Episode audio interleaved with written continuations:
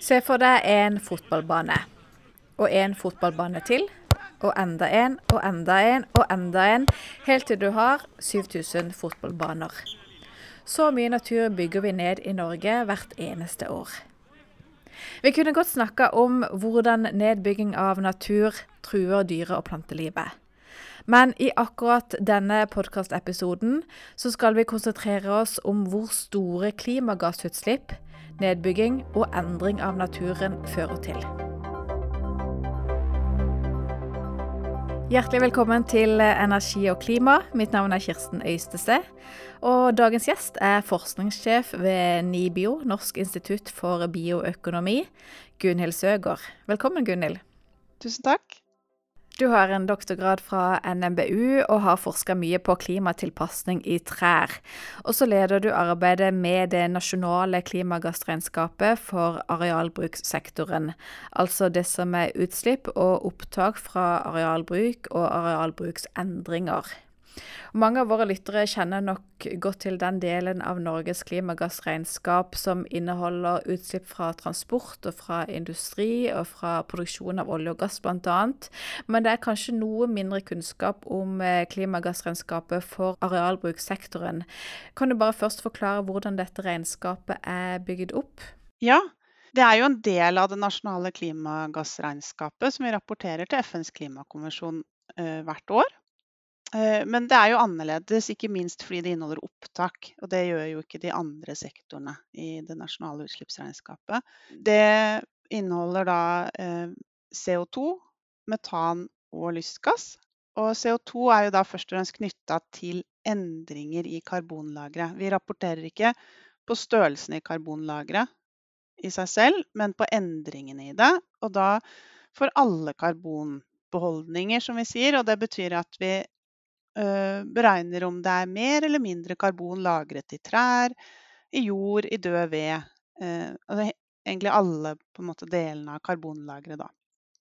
Eh, og det beregner vi for alle arealbrukskategoriene.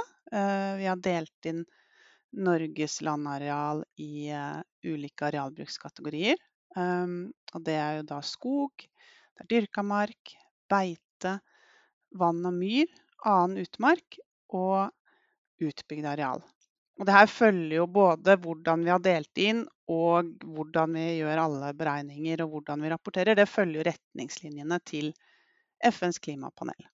Men en ting er at vi rapporterer til FNs klimakonvensjon, men samtidig rapporterer vi jo for eh, Norges forpliktelser til eh, Kyoto-protokollen. Og i år 2022 eh, så var det jo da rapportering for siste forpliktelsesår under Kyoto-protokollen. Og det vi ser er jo at i den andre perioden her så har, et, har det vært et årlig utslipp på om lag 3 millioner tonn CO2-ekvivalenter fra avskoging.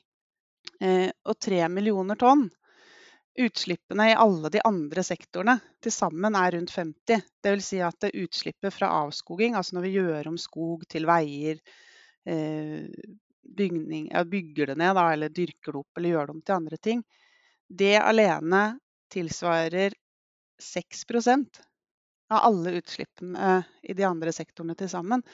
Så det, så det betyr jo at utslippet fra, fra, fra avskoging i arealbrukssektoren er jo faktisk en viktig del av utslippene som Norge har. Og I tillegg så kommer jo utslipp fra nedbygging av myr, um, f.eks. og andre arealbaserte utslipp. Da.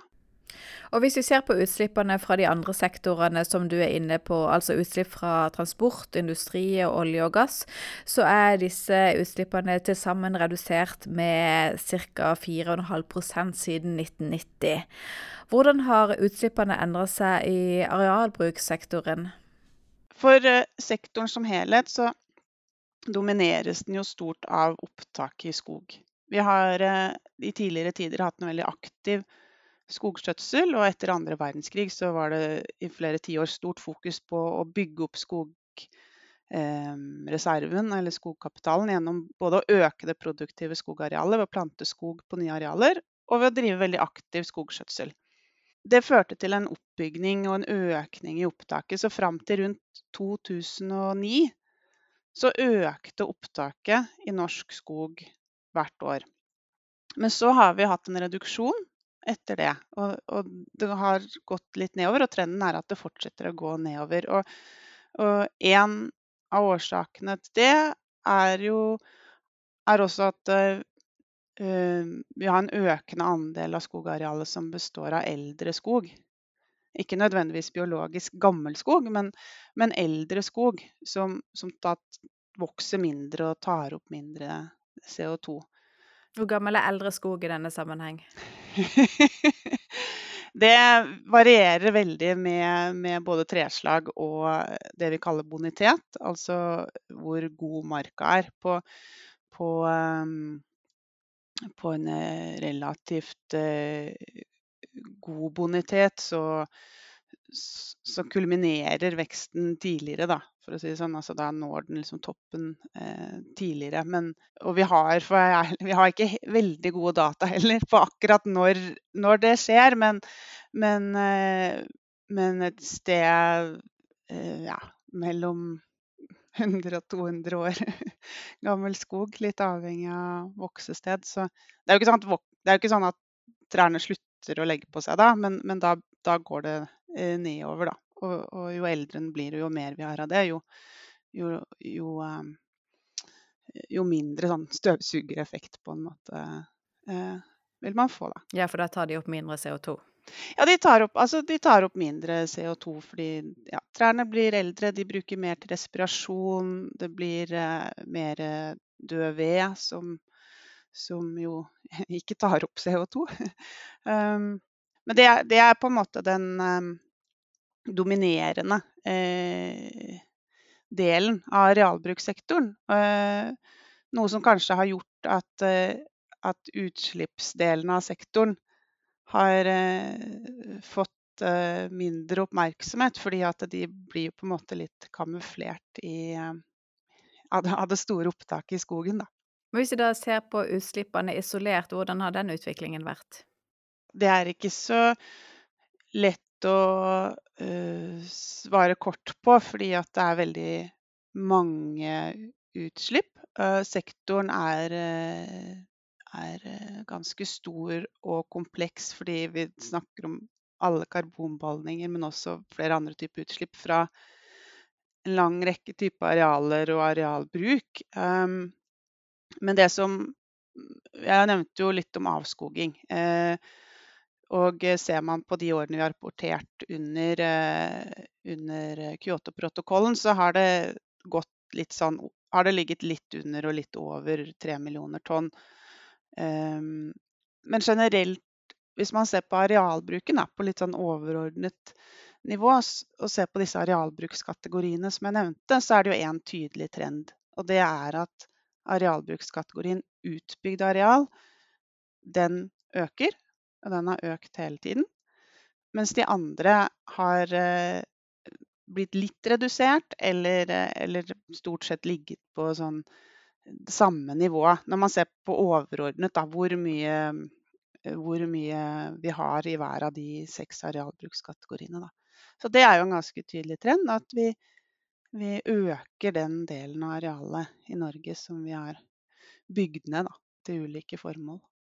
Og andelen utbygd areal det øker jo nettopp fordi vi bygger ned mer natur. Eh, og hvor mye natur bygger vi ned hvert år, og hvor store utslipp fører det til?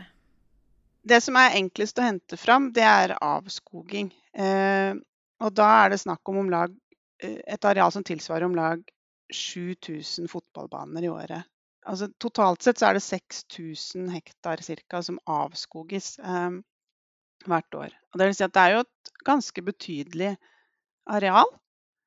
Um, og som sagt så utgjør det da 3 millioner tonn CO2-ekvivalenter fra avskoging. Um, I tillegg så kommer jo utslipp fra nedbygging av myr. Det har vi ikke samla tall for på den måten, fordi det inngår som delberegninger i, i andre kategorier og er ikke en egen egen aktivitet under Kyoto-protokollen, og har derfor kanskje fått litt mindre oppmerksomhet. Men det er jo også en eh, viktig kilde, og kan ikke minst være veldig stort på lokalt nivå hvis man bygger ned en, eh, en myr. Eh, så for å gi et eh, eksempel, da, hvis man lager én boligtomt på et dekar til, til, eh, på en relativt grunn myr da, på la oss si den er én meter dyp, så er det 170 tonn CO2.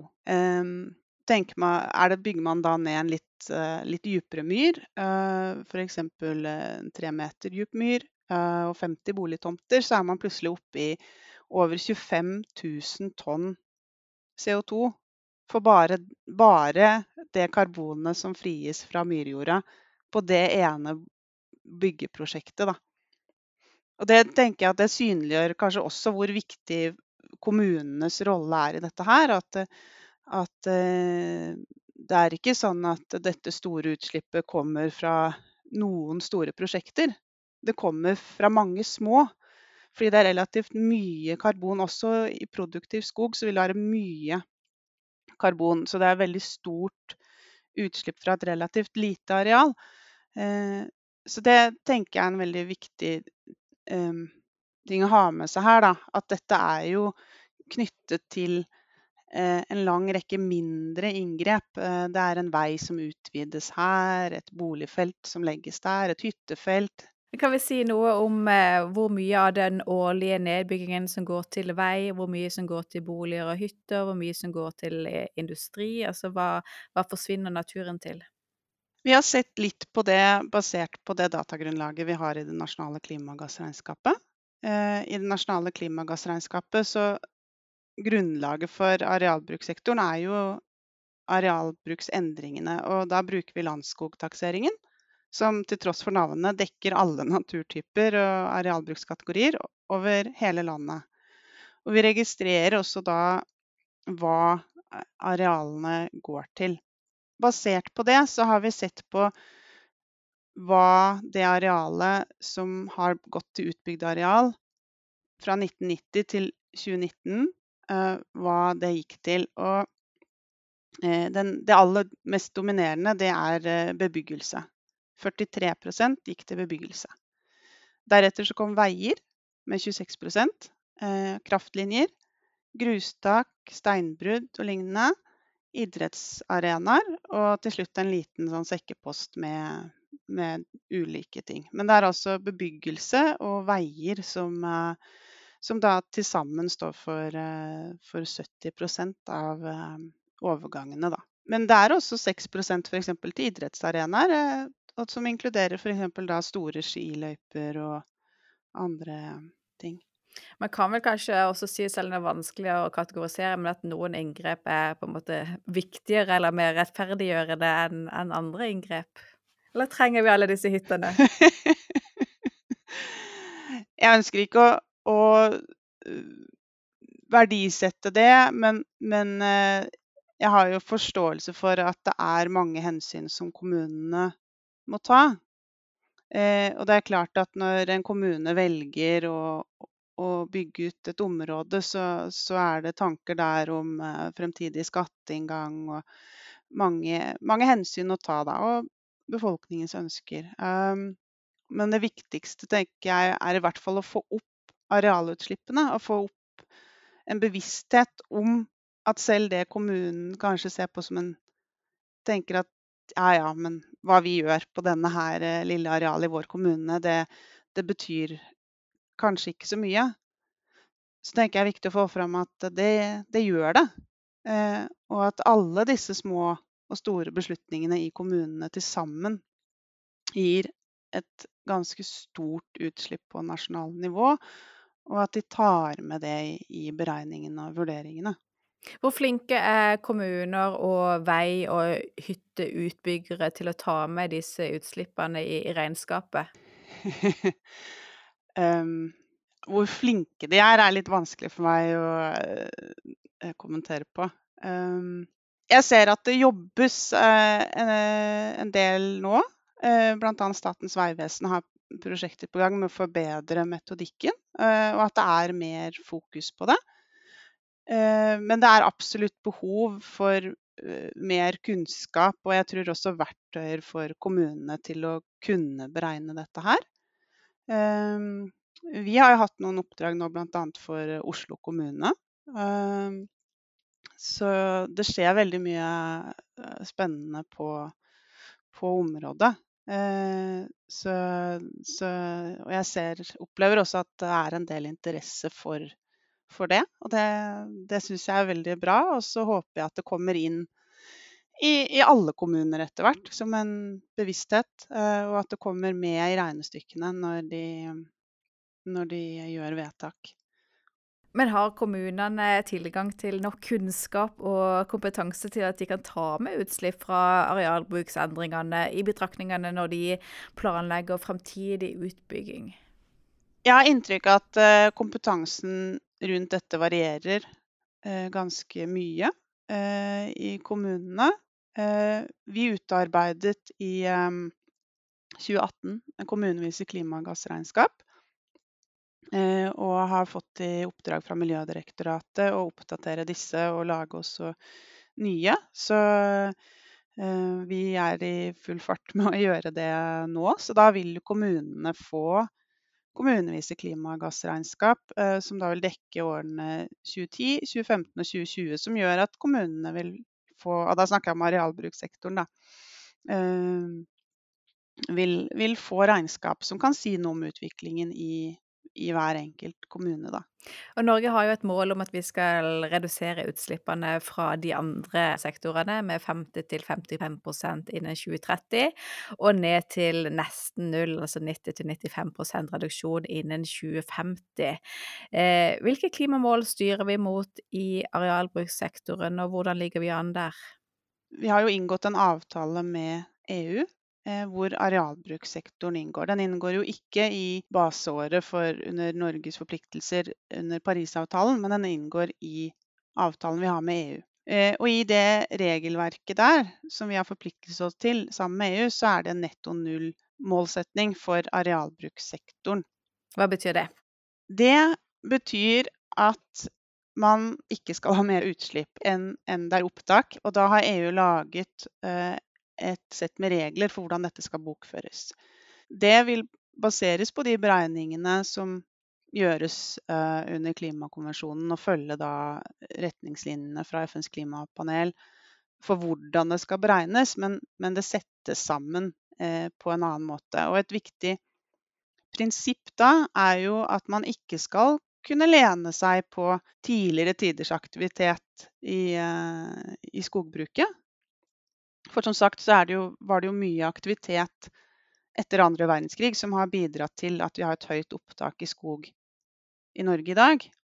Så det EU har eh, eh, lagt inn da, er at man lager en referansebane for forventet utvikling i opptak i skog. Og dersom man klarer å ha et høyere opptak enn den referansebanen, dersom man klarer å gjøre tiltak for å øke opptaket, da kan man telle med det. Og da blir det jo med en gang mye mer krevende å nå et netto null, fordi f.eks. så vil alle utslipp fra avskoging telle. Og det er jo da relativt betydelig for Norge. Så Norge har eh, store utfordringer med å klare dette. Og basert på de foreløpige framskrivninger vi har gjort, så ser vi ikke ut til å klare netto null for denne sektoren. Så, så her må det gjøres Eh, grep om vi skal klare det. Hva slags type tiltak er mulig å ta i bruk da, for, å, for å klare målet? Da er man fort inne på et stort spørsmål, og det er jo skogforvaltningen. Det som er avskoging Hvis man reduserer avskogingen, så, så vil det ha umiddelbar effekt. Altså I prinsippet, om vi klarte å stoppe avskoging, så ville jo det bli tre millioner tonn mindre i året. Det, men det er jo ikke, ikke, realistisk at vi skal stoppe all eh, nedbygging. Eh, og da er det jo eh, skog, og hva vi kan gjøre for å øke opptaket i skog. Og det som kjennetegner mange skogtiltakene, det er jo at de har et langt tidsperspektiv. Som nevnt så er det jo det vi gjorde i tiårene etter andre verdenskrig som vi på en måte nyter litt godt av nå. Og det vil si at Hvis vi øker aktiviteten på mye skogskjøtseltiltak nå, så vil det gi økt opptak i skog. Men ikke til 2025 og ikke til 2030, men i et lengre tidsperspektiv. Så da er det jo også viktig å ha med seg at både FNs klimapanel og Parisavtalen, så er jo hovedmålet er det langsiktige. Og så trenger vi kortsiktige mål for å, for å klare dit. Vi må snu, snu skuta fort for å klare de langsiktige målene. Det som vil kunne påvirke opptaket i skog på kort sikt, det er jo hogstnivå. Om man reduserer hogstnivå, så vil eh, opptaket øke på kort sikt. På lang sikt så vil det kunne ha motsatt effekt, fordi da vil vi styrke utviklingen med økt andel eldre skog som har lavt opptak. Men på kort sikt så vil det kunne øke opptaket. Den store utfordringen med det, det er jo at man da eh, kan komme i konflikt med måloppnåelser i andre sektorer, fordi du da ikke vil kunne nå mål f.eks. i energisektoren. Fordi man ikke vil ha tilgang til eh, Eller vil ha redusert tilgang til eh, bioenergi. Eh, og man kan ha redusert tilgang til tømmer som kan erstatte svært fossilintensive produkter som stål og betong i bygg og andre, andre slike. Og det, FNs klimapanel peker jo også på at vi, vi trenger jo dette, og alle scenarioene inneholder jo også eh, behov for biomasse. Så det, det er en eh, Ja, her må man ha både det langsiktige og store bildet med seg da, når man vurderer det. Og, og, det kan være en utfordring om man ser på sektoren eh, altfor isolert fra de eh, andre sektorene. Da. Mm. Men du sa stoppe avskogingen, det er ikke realistisk. Hvorfor er det ikke det? det var vel min, eh, min personlige vurdering, men, men eh, det, det, ligger jo veldig mange planer på blokka, både å se på Nasjonal transportplan og hva kommunene ønsker om. Man, man avskoger jo ikke for å avskoge, man avskoger jo for, for, for andre formål. Eh, så, så um, ja, jeg vurderer at det ikke er realistisk å stoppe avskogingen, men, uh, men jeg mener det, vi må absolutt se på det vi kan gjøre både for å redusere avskogingen og, å gjøre de landbaserte utslippene minst mulig, da. Der hvor man, eh, hvor man avskoger eller bygger ned på myr. Da. At man gjør tiltak for å, for å lage minst mulig inngrep i, i, naturen og ha minst mulig påvirkning på, på arealene. Da. Et konsept som det gjerne tas til orde for, det er jo arealnøytralitet. Og det handler jo først og fremst om å stanse nedbygging av natur og gjenbruke den naturen som allerede er bygd ned. Men også kompensere for nedbygging av natur ved å restaurere eller gjenoppbygge natur et annet sted. Er dette et eh, godt tiltak? Ehm, det er en fin tanke i utgangspunktet at man ikke skal da ha ha mindre skog eller mindre dyrka mark til sist. Men det man må huske på, er jo at det er jo store utslipp knyttet til eh, arealendringene. Eh, fordi når jeg snakket om at i det store bildet så er det ikke så stor endring i det totale arealet for de andre arealbrukskategoriene som skog og dyrka mark osv. Men, men det er jo en del skifter imellom. Eh, og og eh, da er det jo sånn at hvis du bygger ned en produktiv skog, og så planter man skog på et jorde eller en eller annen areal, så vil jo nettoarealet skog i prinsippet være det samme. Men da har du jo eh, hatt et betydelig utslipp fra det skogarealet som man har nedbygget. Og det tar lang, lang tid før det arealet som har blitt plantet, faktisk er et skogøkosystem og har bygd opp eh, karbonbeholdninger. Eh, først må jo trærne bli store for eksempel, før de kan begynne å dø og bli død ved. Så dette tar jo veldig, veldig, veldig lang tid. Eh, så slik at det, det ser um, Det vil kunne se arealnøytralt ut eh, om man ser på størrelsen, akkurat sånn som når man ser på de overordnede eh, arealkategoriene i det nasjonale klimagassregnskapet. Men så vil det jo være utslipp knyttet til endringene mellom arealer, da. Og det tenker jeg at det er, det er veldig viktig å, å ta med eh, når man også diskuterer den, den retningen. Men fokuset rundt det er veldig viktig og veldig bra. Men du er skeptisk til at eh, det å tenke arealnøytralitet kan bli for enkelt? Ja, jeg er nok litt skeptisk til det. Eh, så jeg tenker at man må ha med seg eh, hele bildet. Du, helt avslutningsvis, i 2050 så skal jo Norge være det vi kaller et lavutslippssamfunn. Hvordan brukes areal i et samfunn som nesten ikke har utslipp? Det er et veldig godt og et veldig viktig spørsmål. Hvordan skal vi regne arealene? Um, og det tror jeg ikke det er landet hvordan vi skal gjøre. Uh, men jeg var jo inne på det i sted, at f.eks. For, for skog Altså EUs tankegang om at man ikke skal hvile på, på tidligere års innsats, men, men, kun måle den innsatsen man gjør nå. Sammen med at, uh, at, skal man være klimanøytral og karbonnøytral, så må man ha med arealbrukssektoren også. Det er viktig også knyttet til at eh, det er jo landbaserte utslipp knyttet til utslippsreduksjoner i andre sektorer, f.eks. vannkraft gir metanutslipp. Vindkraft krever utbygging av areal med karbontap og CO2-utslipp. Eh, bioenergi eh, har også utslipp knyttet til seg. Sånn at eh, jeg tenker det er behov for å se disse sektorene i sammenheng, og se utslippsmålene i sammenheng. At man ikke kan se på utslippsreduksjoner i én sektor isolert. Det er viktig å ha ambisiøse mål for arealbrukssektoren, men man må huske at de også påvirker utslippsreduksjonspotensialene i andre sektorer. Mm. Så ikke enkelt å, når du skal ha med alt i, i hele bildet? Enkelt er det ikke. Du, tusen takk for praten. Jo, takk. Takk for at jeg fikk komme. Takk også til du som lytter på. Nå tar vi noen eh, ukers pause, men vi er tilbake med flere podkaster i august. Takk for i dag.